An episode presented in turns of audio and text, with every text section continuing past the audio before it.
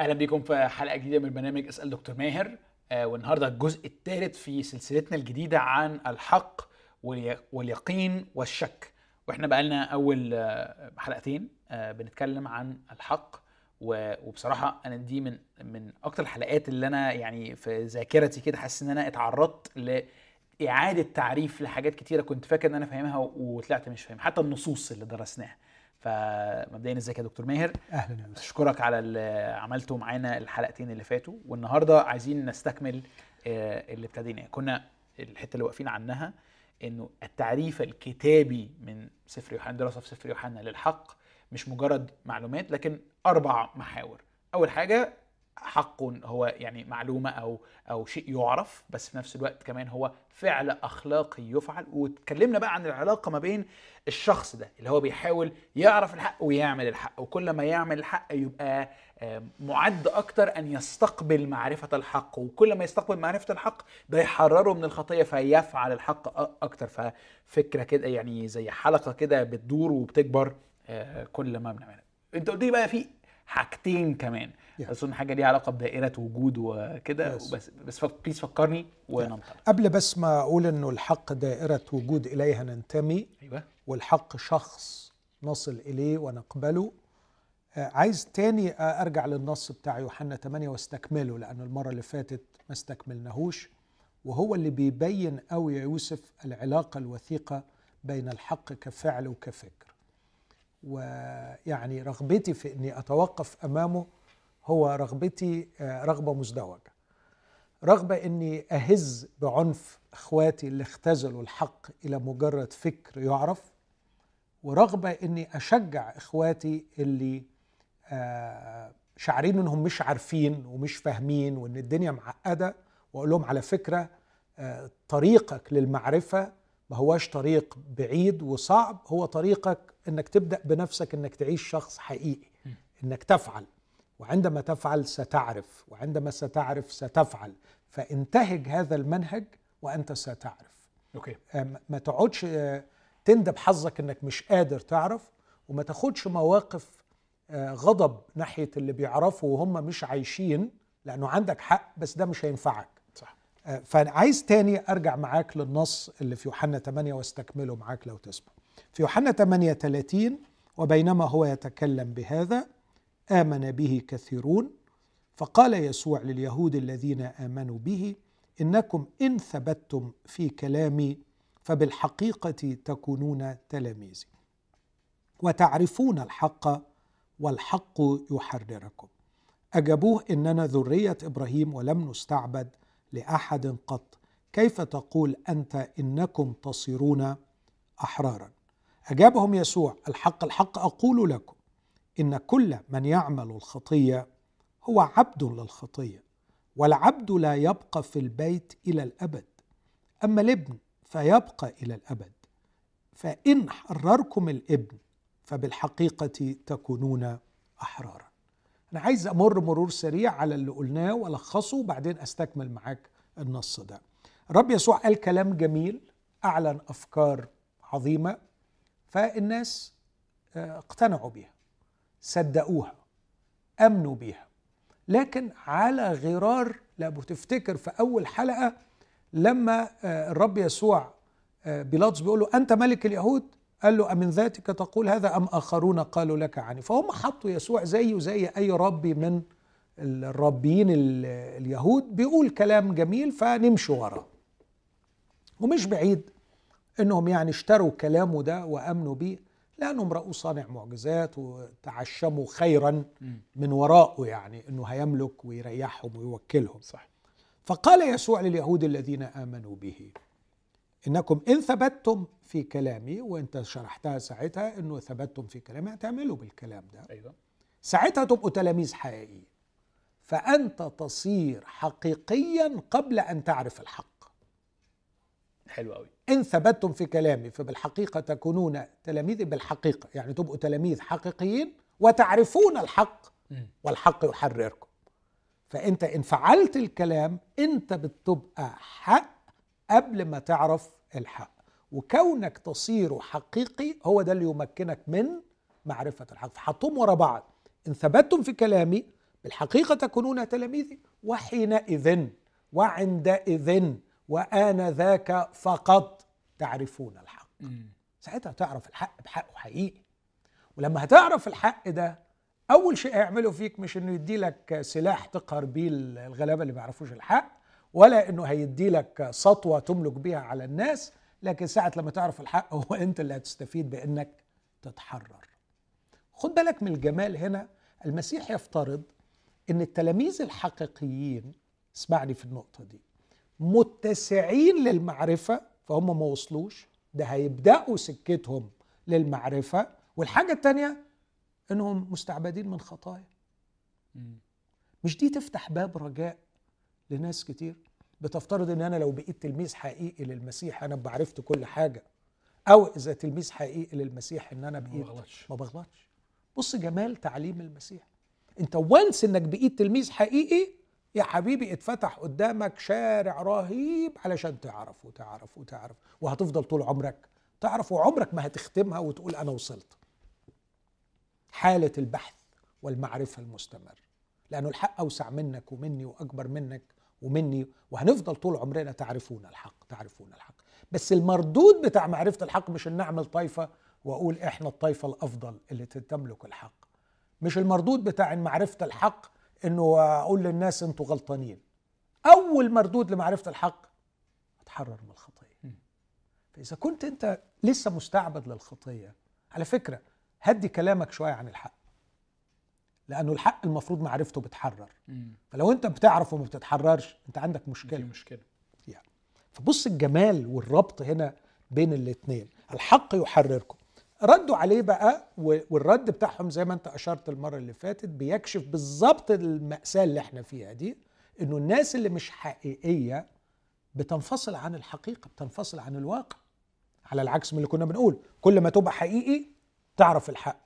الناس دي مش حقيقية فالنتيجة إنها مش شايفة الواقع خالص ولا الواقع السهل. ده إحنا ما بنقولش أسئلة الحياة الكبرى. ده بنقول أنتوا مستعبدين ولا مش مستعبدين.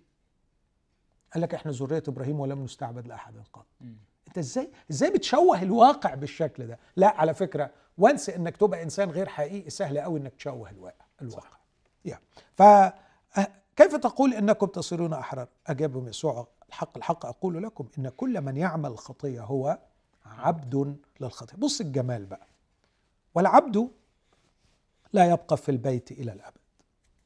أما الابن فيبقى إلى الأبد. فإن حرركم الإبن فبالحقيقة تكونون احرارا بص يا جو أنا كنت أتوقع المسيح يقول من يعمل خطية هو عبد الخطية وهيتحرق في نار جهنم. اللي بيعمل خطية هو عبد للخطيه وربنا مش هيسيبه وهيديله على دماغه. بص المسيح ورسالته. من يعمل خطيئة هو عبد الخطيئة والإبن لا يبقى في البيت إلى الأبد. على فكرة مشيئة الله أنه يأتي بكم إلى إلى بيته. فإن حرركم الإبن فبالحقيقة تصيرون أحرار. على فكرة إرسالية الإبن الوحيد الكبرى هو أن يأتي بكم إلى البيت. غرض الله اللي هي قريناها في يوحنا ثلاثة الله لم يرسل ابنه إلى العالم ليدين. العالم بل ليخلص به العالم. وساعتها أنا عرفت لك الدينونة أنها حالة إبعاد وانفصال هو بيقول ده مش أنت أنت عندك فرصة أن تبقى في البيت. بس ما ينفعش تبقى في البيت وانت مزيف لأن هذا البيت حصري لكل ما هو حقيقي لا يدخله الزيف. هل دي طريقة تانية للي حضرتك دايما بتعبر عنه إنه مشكلة الإنسان الحقيقية هي الاغتراب مظبوط. أوكي. أوكي مزبوط. الاغتراب عن البيت. عن أوكي. البيت مظبوط. وجزء من ده الاغتراب إنه في زيف داخل فأنت مش عارف تقرب من البيت لأنه البيت ده زي إيه آه من كتر ما هو مجال للحق المزيفين مش بيعرفوا يلاقوا نفسهم فيه. خالص. أوكي. خالص. وعلى فكرة ده ده بينطبق حتى في الواقع بتاعنا. تلاقي الشخص الحقيقي المزيفين يبعدوا عنه. م. تلقائيا كده. ما يقدرش يتعامل معاه يحس إنه مش هيستريح معاه. آه. يعني بس طبعا أي ممكن حد يسمع الكلام ده ويقول لك الناس بتبعد عني عشان أنا حقيقي وهو يعني بس الناس تبعد عنه عشان هو دمه تقيل يعني. ممكن. آه بالظبط. فإن حرركم الإبن فبالحقيقة تكونون أحرم. وبعدين ابتدى بقى الجمال والرقه في الرد على الكذبة اللي هم يعني أو ال- ال- الخدعة اللي هم معايشين روحهم. نحن ذرية إبراهيم ولم نستعبد لاحد بص هو جماله رد على حتة إحنا ذرية إبراهيم بس ما ردش على حتة لم نستعبد لاحد قط لأنها يعني توضيح الواضح من سخف الكلام. مش مش مش هقعد أعايركم. آه لكن بيقول لهم أنا عالم إنكم ذرية إبراهيم. بس ما بيقولش ولم تستعبدوا لأحد قط لأن ده غلط. أنا عالم أنكم ذرية إبراهيم. لكنكم تطلبون أن تقتلوني. لأن كلامي لا موضع له فيكم. بص بقى الجمال هنا. كلامي لا موضع له فيكم. هنيجي للحتة دي في النقطة الثالثه اللي إحنا هنبدأ بيها اللي هو كل من هو من الحق يسمع صوتي. أوكي. فواضح إنك ودي الحاجة جديدة. إنك لما بتبقى شخص حقيقي أنت بتمتلك إمكانيات ذهنية لكي تعرف الحق والحق يحررك لكن كمان في شيء آخر. بيحدث تحول في كيانك في ال ontology بتاعك في الداخل بي بي بيخلق مكان لكلام الله. فلما يتقال يتسمع ويتفهم. بالظبط. أوكي. فبيقول لهم كلامي لا موضع له فيكم. هذا الكلام اللي هو شهادة عن الحق. وهو هيوضح بعد كده إنه بيشهد عن الحق. هيشهد عن ال reality هيشهد عن الواقع الإلهي عن الواقع الحقيقي في كل شيء. بس هذا الكلام علشان يدخل ويجيب نتيجة لابد أن يكون اتحفر له موضع. الموضع ده بيتحفر إزاي للكلام ده؟ كل ما بتحاول أنت تكون شخص حقيقي. فكل ما بتحاول تكون حقيقي عقلك يتسع للمعرفة لكن كمان قلبك يخلق في مكان أو كيانك يخلق في مكان لكلام الله أو لكلام الحق. كلامي لا موضع له فيكم. أنا أتكلم بما رأيت عند أبي. هنا هنيجي للنقطة الرابعة. لما يسوع يقول أنا هو الحق. إحنا محتاجين حد يصف لنا الواقع النهائي يصف لنا الإله يصف لنا الله. إيه ده بقى اللي يوصف الله. هل يوصف في جملة؟ هل يوصف في فاعل هل يوصف؟ كيف يوصف الله؟ هنجيلها. مش عايز استعجل. لكن على الأقل لما قال لهذا ولدت أنا لأشهد للحق. أنا أتكلم بما رأيت عند أبي. كان في حديثه مع نيقوديموس بيقول كمان كلام شوية يشبه كده. بيقول لهم لستم تقبلون شهادتنا. أنت مش قابل الشهادة. بعدين بس عايز أقول لك حاجة. فيما يختص بالسماء أنت مضطر إنك تسمعني. لأنه ليس أحد صعد إلى السماء إلا الذي نزل من السماء ابن الإنسان الذي هو في السماء. هذا هو القادر على وصف السماء. هذا هو القادر على إعطاء تقرير عن ال reality اللي هناك. فإذا كان الحق هو وصف للحقيقة أو تعبير عن الحقيقة فمن يعبر لنا عن الحقيقة التي في السماء التي لم يرها أحد؟ أوكي. نحتاج- الإنسان. ابن الإنسان. نحتاج لحد يجي لنا من هناك. محدش طلع علشان يشوف. إلا الذي نزل من السماء. ابن الإنسان الذي هو في السماء. فهو بيقول أنا أتكلم بما رأيت عند أبي. اسمع. وأنتم تعملون ما رأيتم عند أبيكم. أنتم تعملون. أنتم في التصاق مع أب تاني. spiritual reality تانية. مع مع واقع روحي تاني. ليه مصدر تاني. أجابوه وقالوا له أبونا هو إبراهيم. قال لهم يسوع لو كنتم أولاد إبراهيم لكنتم تعملون أعمال إبراهيم ولكنكم الآن تطلبون أن تقتلوني وأنا إنسان قد كلمكم بالحق الذي سمعه من الله. تاني أتكلم بما رأيت عند أبي؟ أتكلم بالحق الذي سمعته من الله. المسيح يسوع بيعلن عن نفسه أنه لديه إمكانيات أن يصف إلينا الحقيقة الإلهية. أن يأتي إلينا بالله. ما رأى عند الله ما سمع من الله. يجسد لنا كل ما نحتاج أن نراه عن الله ونحتاج أن نسمعه عن الله. هذا لم يعمله إبراهيم. أنتم تعملون أعمال أبيكم. إيه ده يعني أنت شايف إحنا مش ولاد إبراهيم؟ ما هو بيقول لهم لو لو لو كنتم أولاد إبراهيم لكنتم تعملون أعمال إبراهيم. لاحظ هنا المسيح برضه خايف الدقة. هو بيقول لهم أنا عالم إنكم ذرية إبراهيم. بس بعد شوية يقول لهم لو كنتم أولاد إبراهيم. أوكي. إيه الفرق؟ يعني أنت فاكر نفسك آه، ابن إبراهيم بس في حقيقي وفي مزيف. لا ذرية إبراهيم بيولوجية. آه. أنا عالم أنكم ذرية إبراهيم. بس لو كنتم أولاد إبراهيم أولاد إبراهيم هنا بقى تنتهجون نهج إبراهيم. أوكي. وتعيشون عيشة. إبراهيم أوكي. وتعملون أعمال إبراهيم. ف ودي برضه بتدحض فكرة ال- ال- التسلسل البيولوجي يعني صح. إنك مش عشان بيولوجيا أنت جاي من أب وأم مسيحيين معناه إنك خلاص. صح. ف- فقال له- قال لهم أنتم مش ولاده أنتم ذرية إبراهيم بس مش أولاد إبراهيم. مم. لو كنتم أولاد إبراهيم كنتوا تعملوا أعمال إبراهيم.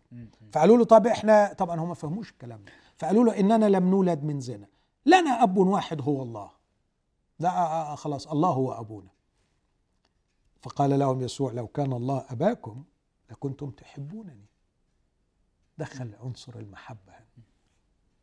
وأنا ما شفتش حد يا يوسف مخلص حقيقي إلا وتلاقيه منجذب للمسيح بغض النظر عن الخلفيات يعني يعني من إحنا اتكلمنا عن عن تمبلتون تمبلتون. آه. لما قريت لك إنه إزاي الراجل ده ملحد بس بيعشق المسيح فمن الممكن أن يكون الشخص يصارع مع أسئلة لكن لو حقيقي هيحب المسيح. لو كان الله أباكم لكنتم تحبونني لأني خرجت من قبل الله وأتيت. لأني لم اتي من نفسي بل ذاك أرسلني. لماذا لا تفهمون كلامي؟ لماذا لا تفهمون كلامي؟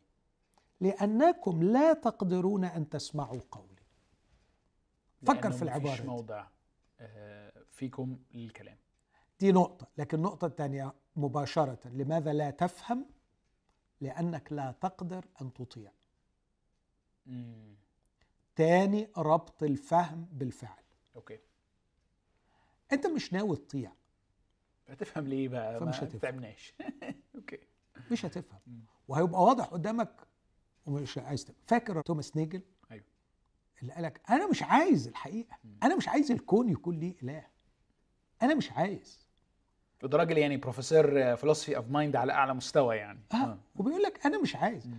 آه، كتب review للكتاب العظيم بتاع آه، بتاع ألفين بلانتنجا كاتب review بيقول أكتر حاجة خضاني إن الراجل ده عقله يعني رائع وبيكتب بعمق ومعرفة علمية جبارة بس المشكلة إنه مؤمن.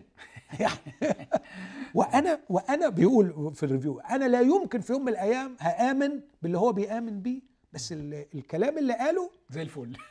لدرجة إنه قال إنه حط آه، ريتشارد دوكنز ودانيال دينيت on shame. يعني يعني بهدلهم. لكن أنا مش عايز امن المسيح بيقول كده. ده قرار مسبق قرار أخلاقي. مش صعوبة في الاستيعاب. لماذا لا تفهمون كلامي؟ مش لأن ال IQ قليل مش لأن الحق اللي إحنا بننادي بيه صعب. أنت مش عايزه. لأنكم لا تقدرون أن تسمعوا قولي. كلمة لا تقدرون أن تسمعوا قولي يعني لا تقدروا أن تطيعوني. أيوة. مش عايز تطيع. أنا هقول لكم الحقيقة بقى. هو طلعهم لا أولاد إبراهيم ولا أولاد ربنا. طب يطلبوا أولاد مين؟ مين بقى؟ قال لهم أنتم من أب هو إبليس.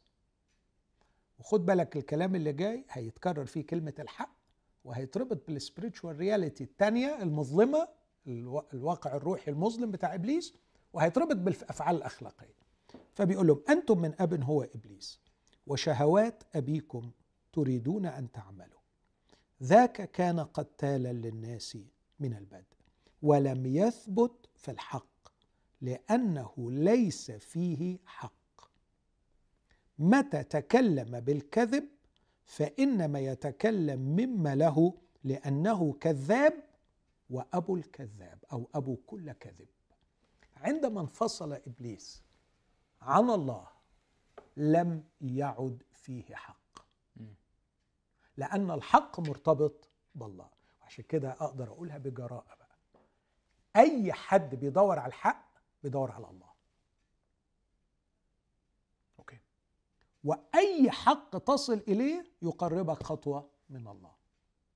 وعشان كده الراجل اللي لما فكر واستعمل عقله وأقرب الحقيقة المسيح قال له لست بعيدا عن ملكوت الله. مهما كانت الخلفية الدينية أي بحث عن الحقيقة هو بحث عن الله لأنه ال ultimate reality في النهاية هي الله. فهو بيقول لهم إنه ده لم يثبت في الحق لأنه ليس فيه حق. من إمتى حصل؟ لما انفصل عن الله. بس المأساة إنه راح مكون reality روحية تانية كون واقع روحي كله بيقوم على الكذب. هو الكذاب وأبو كل كذب. مفيش كذبة على الأرض إلا ومصدرها إبليس. وبالتالي لما أي حد بينشر كذب أو يشترك في كذبة أو يصادق على كذبة أو لا يمتحن الأكاذيب هو يشارك إبليس. أرجو إن دي تكون واضحة لأنها في منتهى الخطورة. حتى اللي لا يمتحن. حتى لا يمتحن. لأنك هت- هتنشرها هتوافق عليها تصادق عليها. بولس من الجانب الثاني يقول لك هادمين ظنونا وكل علو يرتفع ضد معرفة الله. ال- ال- الحاجات اللي هي متفبركة ومعمولة في شكل حجج وأشياء عقائد دينية آه، جميلة وهي مبنية على كذب ينبغي أن تكشف أنه إبليس يعني مش بيقدمها بغباء ولا بعبط لا بيقدمها بطريقة يعرف يبيع. والغريب إن المسيح هنا بقى بيقول عنه إنه قتال للناس. قتال للناس من خلال الأكاذيب. مفيش حرب قامت إلا وراها كذبة. مفيش قتل إلا وراه كذبة. والمسيح يرى أن الكذب هو أساس القتل. وأما أنا فلأني أقول الحق لستم تؤمنون بي. طيب آه، إيه حجتك يعني إنك بتقول الحق؟ بص اللي بنحكي فيه من بدري من منكم يبكتني. مش على ارجيومنت غلط. مش على محاجة خاطئة. مش لأني لم آتي بالدليل. من منكم يبكتني على خطية. فإن كنت أقول الحق فلماذا لستم تؤمنون بي؟ الذي من الله يسمع كلام الله. لذلك أنتم لستم تسمعون لأنكم لستم من الله. استعمل هنا تعبير من الله. وهو ده اللي يودينا للنقطة الثالثة من الحق. لما قال لبيلاطس في 18 كل من هو من الحق يسمع صوتي. ال- ال- التعريف بتاع من الحق لما قلت إن هو دايرة وجود إن أنت لما بتبدأ بالفعل الأخلاقي وعايز أقول بتحاول إنك تجسد القانون الأخلاقي في فعل يصفه. تجسد القانون الأخلاقي في فعل يصفه اديني مثل على الفكرة دي. كيف تجسد القانون الأخلاقي في فعل يصفه؟ أبقى في موقف مثلا آه، في لو ما قلتش الحقيقة الكاملة أو لو كذبت هيجي لي مصلحة معينة أوكي؟ لكن أختار إني أضحي وأدفع الثمن بإني أقول الحق أوكي؟ آم، فالقانون الأخلاقي هنا هنا لا تكذب بس أنا جسدته في إني مع- اخترت إني أدفع التكلفة بتاعة عدم الكذب. بالظبط. أوكي. إيه اللي حصل هنا؟ اللي حصل هنا حاجتين على الأقل أو ثلاث حاجات. أنت اتنقلت حتة في مسيرة تكونك إنك تبقى شخص حقيقي. صح. حصل شيء جواك. لكن في رسالة وصلت للناس من بره. فالناس ابتدت تشوف روعة هذا القانون. وأهمية هذا القانون. أخيرا الناس لقيت واحد بيتحمل التكلفة علشان ما يكذبش فيظل هذا القانون في الأرض. فأنت بت- بتهاجم الكذب اللي موجود وبتهاجم الفساد اللي موجود. لكن الحاجة الثالثه قربتك خطوة ناحية الله. فبقيت من الحق أكتر. يعني أنت جبت مثال صعب شوية. أدي لك مثال أسهل قاله الكتاب. أنت رأيت أخاك محتاجا. وأنت عارف القانون تحب قريبك كنفسك.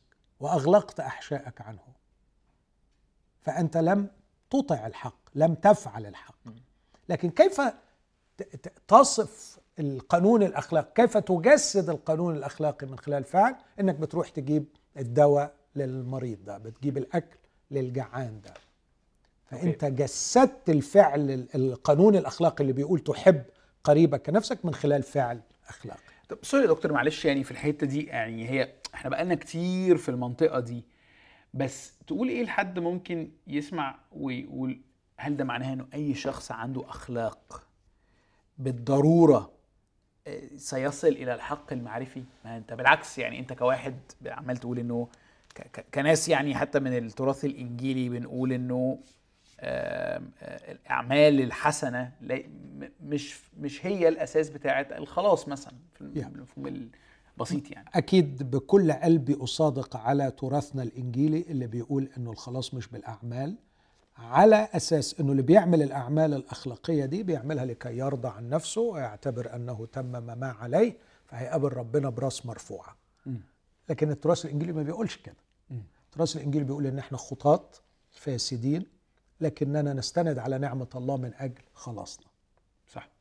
اللي إحنا بنناقشه ده أنت رفضك لنفسك وإقرارك إنك خاطي كلمتين كده بتطحنك قدام ربنا في كنيسة ولا أنت فعلا عندك أفعال بتقول إنك رافض الوضع اللي أنت فيه وبتحاول تطلع منه؟ والحقيقة بقى أنا نفسي أركز على قيمة الأخلاق أو الأيام السوداء اللي إحنا فيها دي. عايز أركز على قيمة الأخلاق وأقول أيوه الاهتمام بالفعل الأخلاقي هو أكبر دليل على إنك تبحث عن الحق. وسيقودك إلى الحق. والأشخاص اللي اهتموا بأنهم يكونوا حقيقيين اخلاقيا الله في أمانته ونعمته ما بيسيبهم. أوكي. فالفعل الأخلاقي ليس فقط الفعل لكن كمان أنت بتحط بقى ال- ال- الدوافع كمان ضمن ده لأنه يبقى عشان يبقى حقيقي يعني. بالظبط. كده. لأنه الفريسين كانوا بيعملوا حاجات لكن آه، فعل جيد من شخص غير جيد. أوكي. لكن أنا أريد أن أكون شخص حقيقي. ف فلما أنت بتعمل بقى بتجسد القانون الأخلاقي من خلال فعل آه، أنت بتتغير بتقرب أكتر من الله فبانتمائك لدائرة الحق بيتعمق ويزداد. فتصبح في النهاية اسمك من الحق. أوكي. أوكي؟ من. فحتى من الحق دي كل من هو كل من هم من الحق دي ليها عايز أقول إيه مش درجات بس هي مشوار برضه مشوار في حد. ذاتها. بالظبط. أوكي؟ بالظبط. أوكي. كل من هو من من الحق يسمع صوتي. من الله. فالاثنين مترادفين من الحق ومن الله. فكل ما تجتهد أن تعيش كل ما تتغير كل ما تتعمق تقطع مشوار في الدايرة دي أكتر بتبقى من الصنف ده مم. صنف مم. البشر الذين هم من الحق. وعلى فكرة دول على طول بيشعروا باتساع الهوة بينهم وبين الواقع. لا يعني إيه؟ يعني لما بيخرجوا للعالم وبيشوفوا الزيف والكذب والخداع بيبقوا حاسينهم غرباء في هذا العالم. أوكي. و- و- وده أنا بشوف ناس كتير كده. وناس كتير بيبدأ لقائي معاهم إنهم حاسين بالاغتراب في هذا العالم لأنهم يريدون أن يعيشوا حقيقيين. في هذا العالم. فبيبقوا انتموا إلى دائرة الحق قبل حتى ما يوصلوا للحق الكامل. قبل ما الدنيا تنور. من الحق دي جت مرة تاني أو جت مرات يعني بس اسمح لي أشير إلى يوحنا الأولى ثلاثة علشان يمكن بتوضحها أكتر.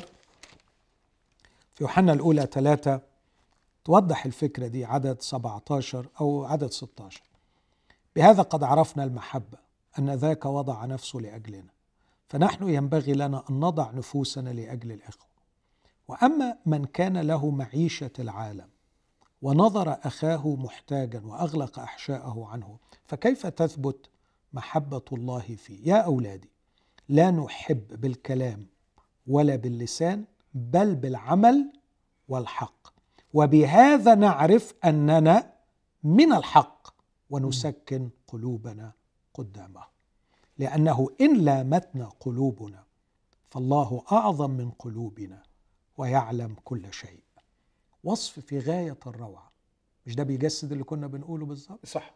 إنه لو أنا عايز أسأل نفسي طب هو أنا بقى من الحق فعلا ولا مش من الحق؟ واحدة من المؤشرات هي هل أحب بالكلام واللسان بل بالعمل والحق؟ وده ليه تكلفة طبعا. بالظبط. يعني ما يكونش كلامك وادعاءاتك منفصلة عن الواقع. ده اللي بيقصد بيه حقيقي يا يوسف.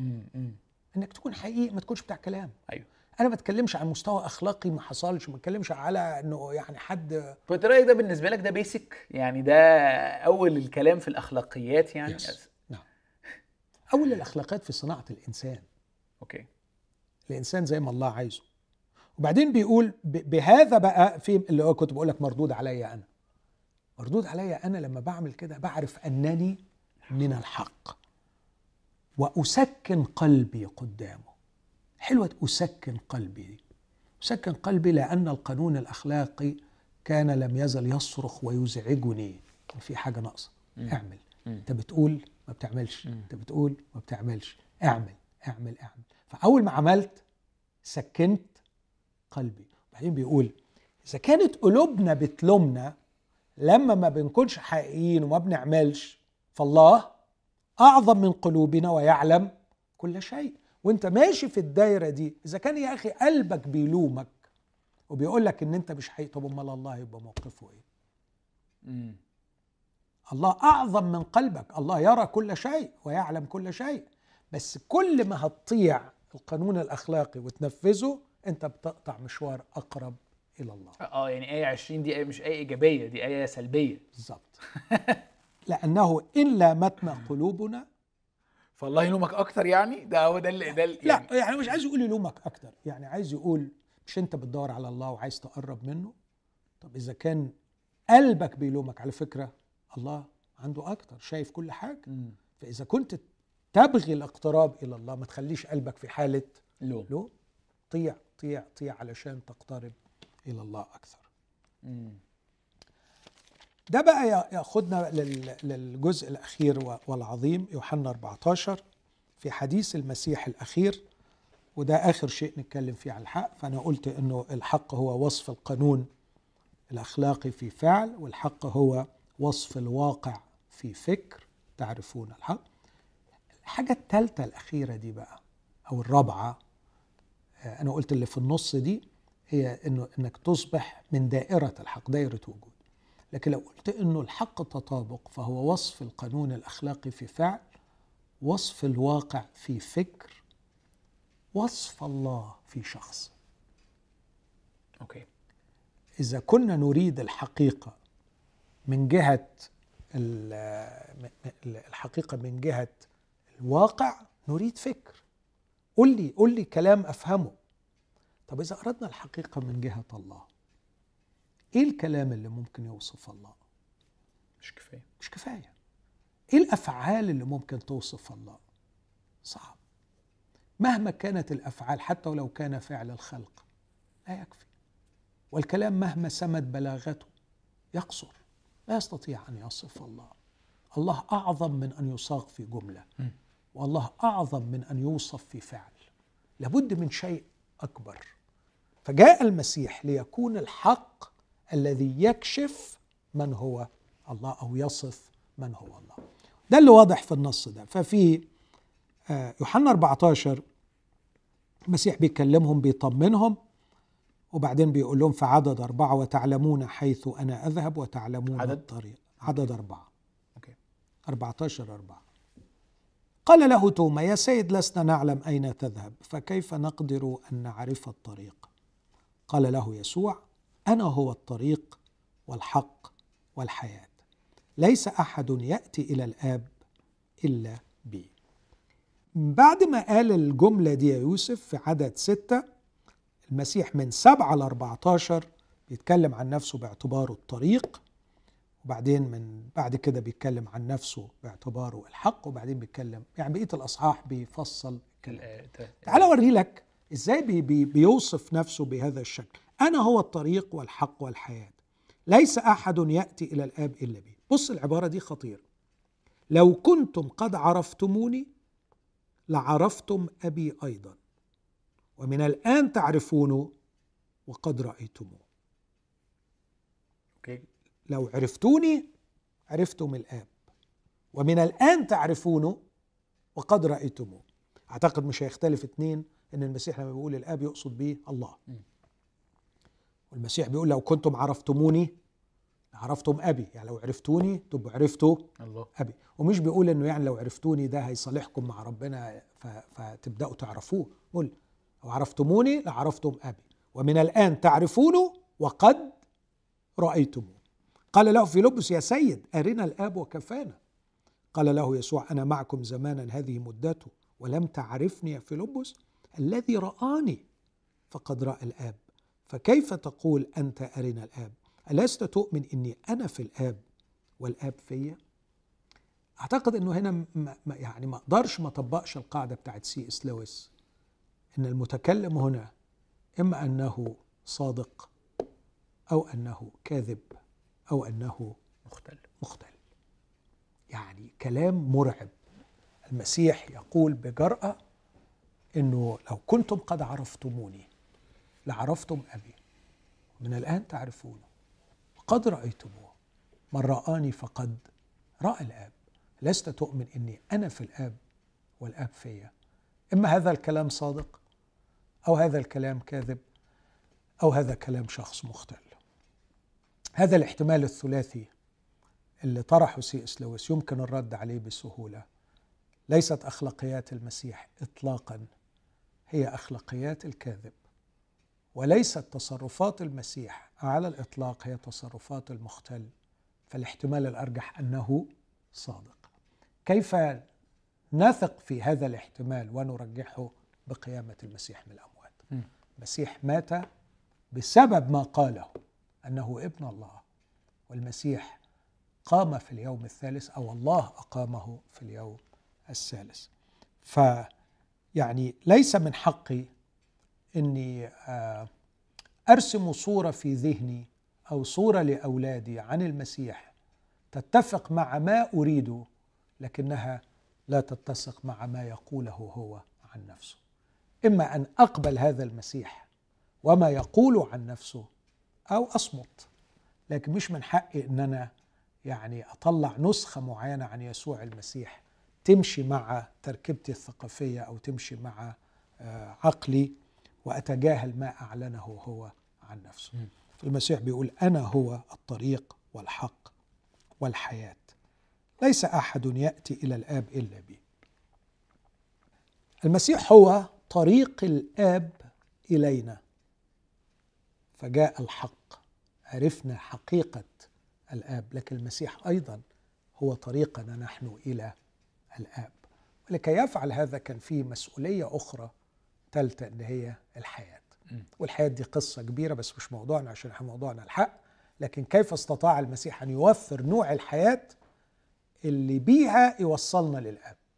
يعني هو عاش نوع حياة على الأرض كشف لنا بيه من هو الآب ومستعد إنه يعطينا نفس نوع الحياة ده لكي نصل به إلى طيب يعني بس عشان برضو يعني أعرف إحنا فين دلوقتي في ال...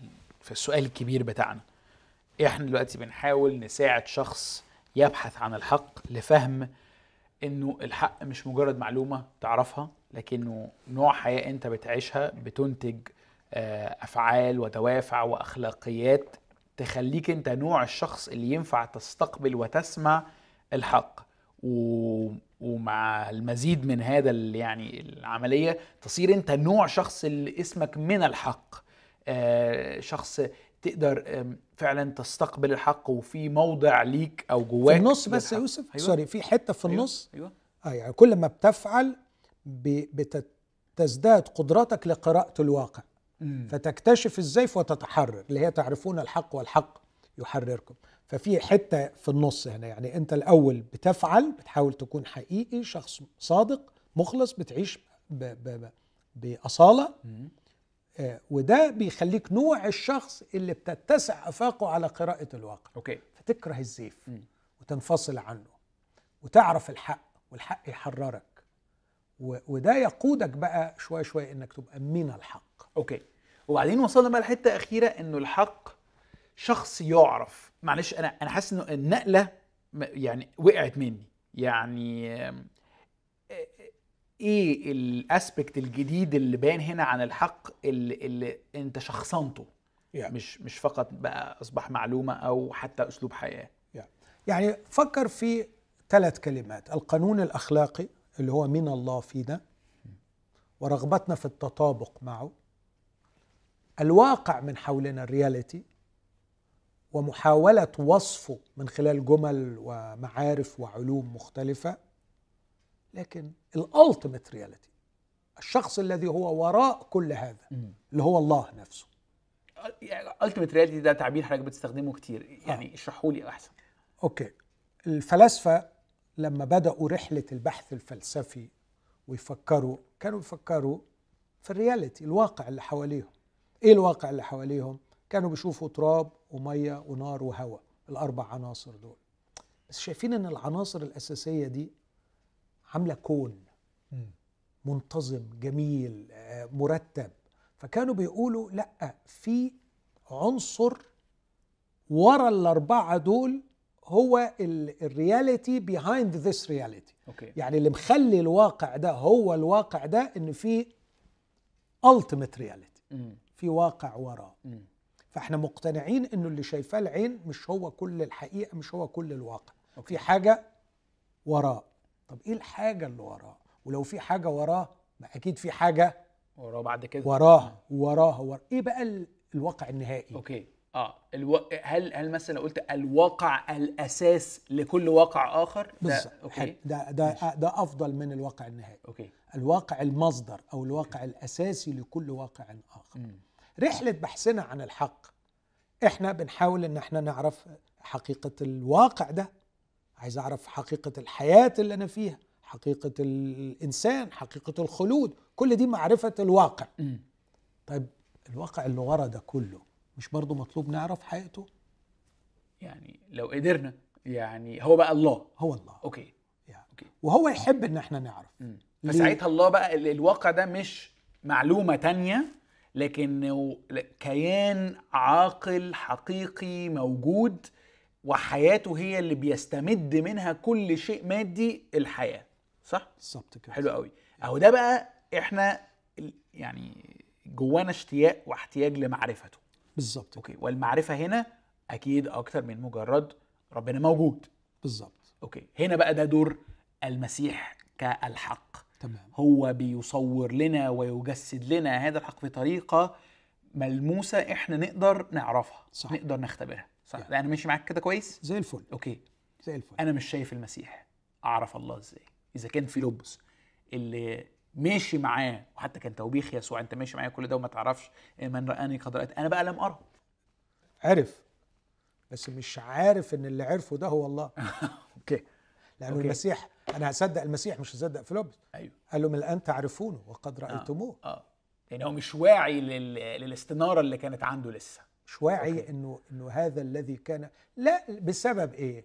بسبب ال- ال download البرامج اللي اتسقطت له قبل كده عن صورة الله. مم. فهو بيتعامل مع الله. ما هو بيقول له الكلام الذي أكلمكم به لست أتكلم به من نفسي لكن الآب الحال فيا هو يعمل أعمال. فالآب كان حاضرا في شخص يسوع المسيح بس فيلبس في ذهنه جبل سيناء إنه ربنا لما نزل على الجبل الجبل دخان ورعد. وحاجات زي كده هو ما شافش ولا حاجة من ده كله تعرف لو كان شاف أي حاجة من ده كله كان هيخر ويقول الله هنا مم. فإحنا أحيانا بيبقى عندنا تصورات معينة عن الله حتى لو جاءنا الله لن نراه أوكي لأنه لا يتطابق مع ال- ال- اللي في ذهني يعني. اللي اللي مساله الرؤية دي في غاية الأهمية. يعني كنت بقرأ آه، كتاب من من فترة قريبة. فكان ال- الكاتبة كانت بتقول حاجة جميلة. بتقول أنا لما بمسك كتاب من الكتب اللي قريتها زمان من عشر سنين لا روحي مخططة على حاجات. وبعدين أبص أقول هو أنا خططت على دي ليه؟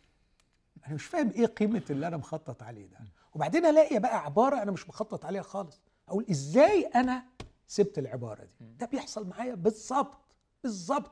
أنا قعدت أضحك وأنا بقرأ لأنه ده بالظبط بيجسد اللي بيحصل معايا. هو إيه اللي كان مهم في اللي أنا مخططه ده. لكن السينج هي عملية بتعتمد على المرحلة اللي أنت فيها والتصورات اللي موجودة في ذهنك. فممكن تبقى حاجة قدامك ما تشوفهاش. فيلبس لا رأى وعرف لكن ما كانش عارف إن اللي عرفه ده هو الآب. okay. ف my يعني النقطة الأساسية بتاعتي اللي عايز أوصلها يوسف واللي أتمنى أن أعرف أعبر عنها كويس. إنه الله خلقنا لكي نعرفه. ومن حقنا عليه إنه هو يعرفنا عن نفسه. الله لكي يكشف نفسه لنا من المستحيل أن جمل تنجح في أن تصيغ الله لنا. أنت قلت في كلامك الله كيان حي عاقل. كيف يعبر عن الكيان الحي العاقل في جملة؟ أو عشر جمل أو ألف جملة. أو كتاب. كان لابد من طريقة تعبير أخرى تتطابق مع الحقيقة وإلا يبقى فكرة الحق كلها نهار النظرية اللي إحنا بنستعملها كتير هي corresponding to reality أيوه التطابق مع الواقع. فمن الممكن فاكر حكاية القمصان اللي حكيتها لك؟ أنا قلت لك كذا وكذا وكذا واللي أنت اللي أنا قلته تطابق مع الواقع لقيت بالظبط. طب الواقع واقع ربنا كيف يوصف؟ مم. كيف تتجسد الحياة الإلهية أمام عيوننا لكي نحب خالقنا ونرتبط به أوكي. كنا نحتاج إلى ما هو أكثر من جملة ما هو أكثر من فعل. كنا نحتاج إلى شخص.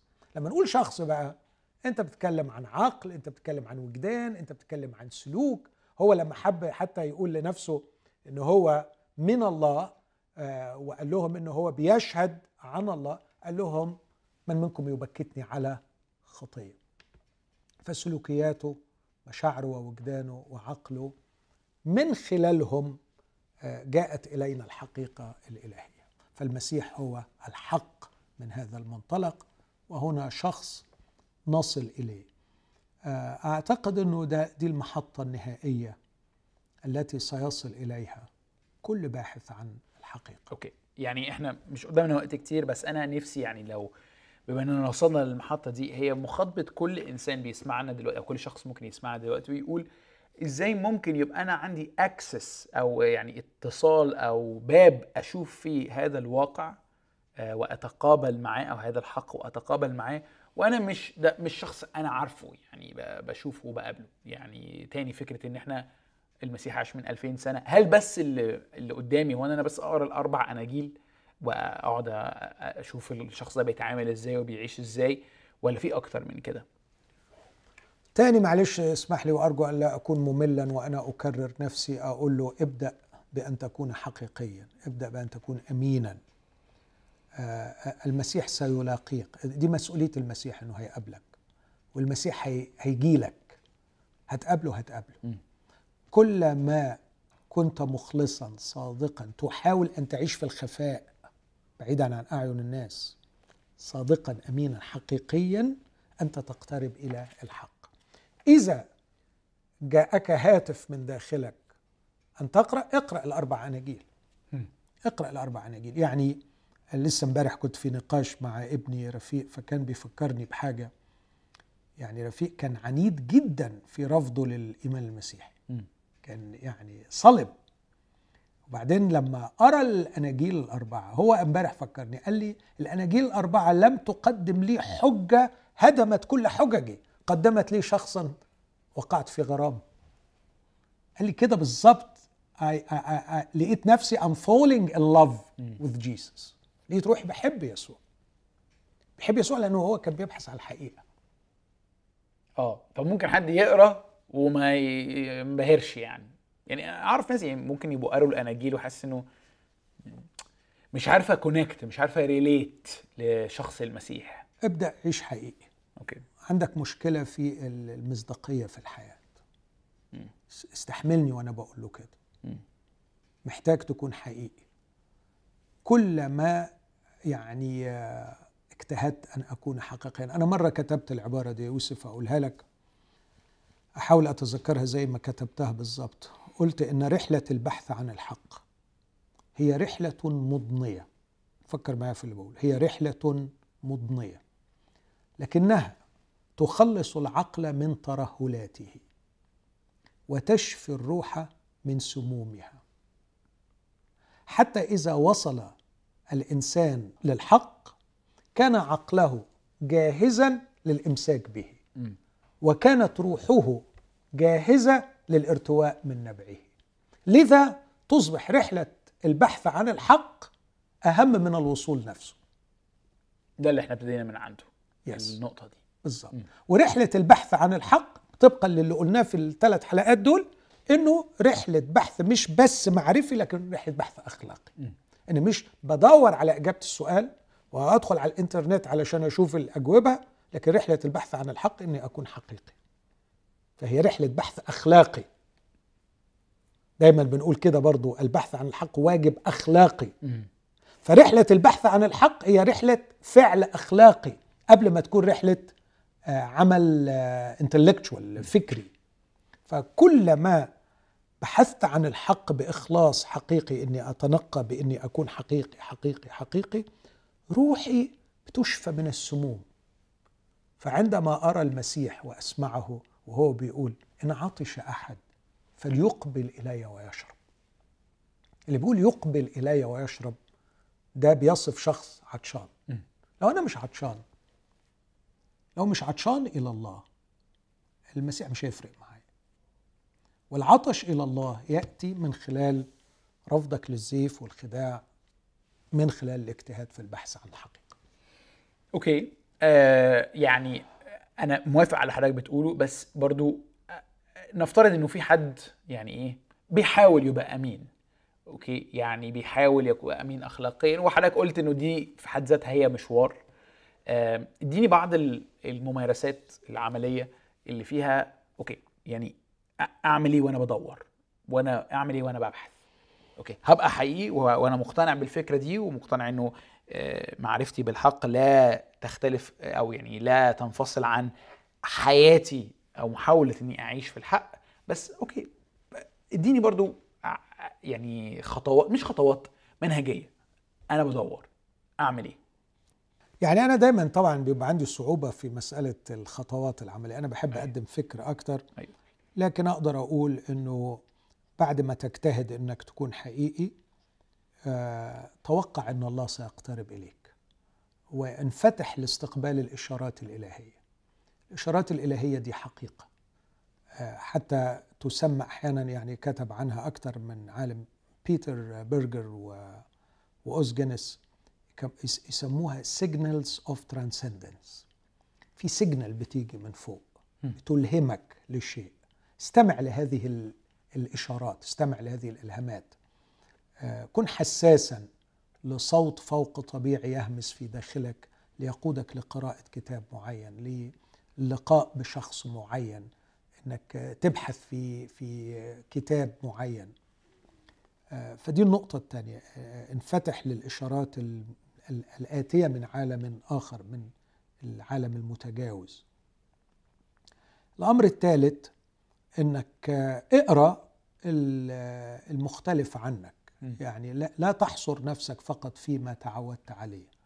قد تجد فعلا آه، شيء قريب جدا منك وفيه ما يشفي غليلك لكن أنت ما تعرفوش لأنك ما قريتهوش. والأجمل العلاقات الإنسانية. يعني ادخل في علاقات إنسانية حقيقية مع أشخاص يساعدونك في رحلة البحث. على فكرة أنت مش الوحيد اللي بتدور. هناك أشخاص كتير سبقوك في الرحلة دي وفي منهم اللي قطع مشوار أطول منك وعنده خبرة يقدر يفيدك بيها. فاقترب من الناس المخلصين ابعد عن السطحية والزيف ابعد عن إنك تكون متقولب بس بتعمل اللي الناس بتعمله وقرر إنك تكون ملتصق بالناس الحقيقيين اللي بيفكروا بعمق. أشكرك يا دكتور. يعني أنا أضيف حتة صغيرة متأثر بيها الأيام دي. إنه آه، الناس اللي بتستهلك آه، كثير من أدوات الترفيه حتى لو مش. غلط بي بي آه، بيملوا كل مساحة ينفع الله يتصل بيها معاهم فبيملوها فبيبقوا مش سامعين بيبقى د- دوشة صحيح فيعني دي حاجة أنا بقراها اليومين دول تمهل استخدم entertainment أقل استخدم الموبايل أقل أقعد أكتر في اختلاء للتفكير والمحاولة للصلاة حتى لو أنت مش حاسس إن في حد بيرد عليك. صحيح. ودي يمكن ال ال ال العقل ال- الصافي ده مع بعض المساحة في الوقت يبقى في قنوات أكيد. ربنا يتواصل معاك بيها. أكيد. أوكي. شكرا يا دكتور ماهر. آه، أنا متشوق للحلقات الجاية وإحنا بنتكلم بقى عن الشك واليقين وهل ينفع نوصل لهم ولا لأ أو يعني نوصل لليقين ولا لأ. آه، نشوفكم في حلقة قادمة من برنامج أسأل دكتور ماهر.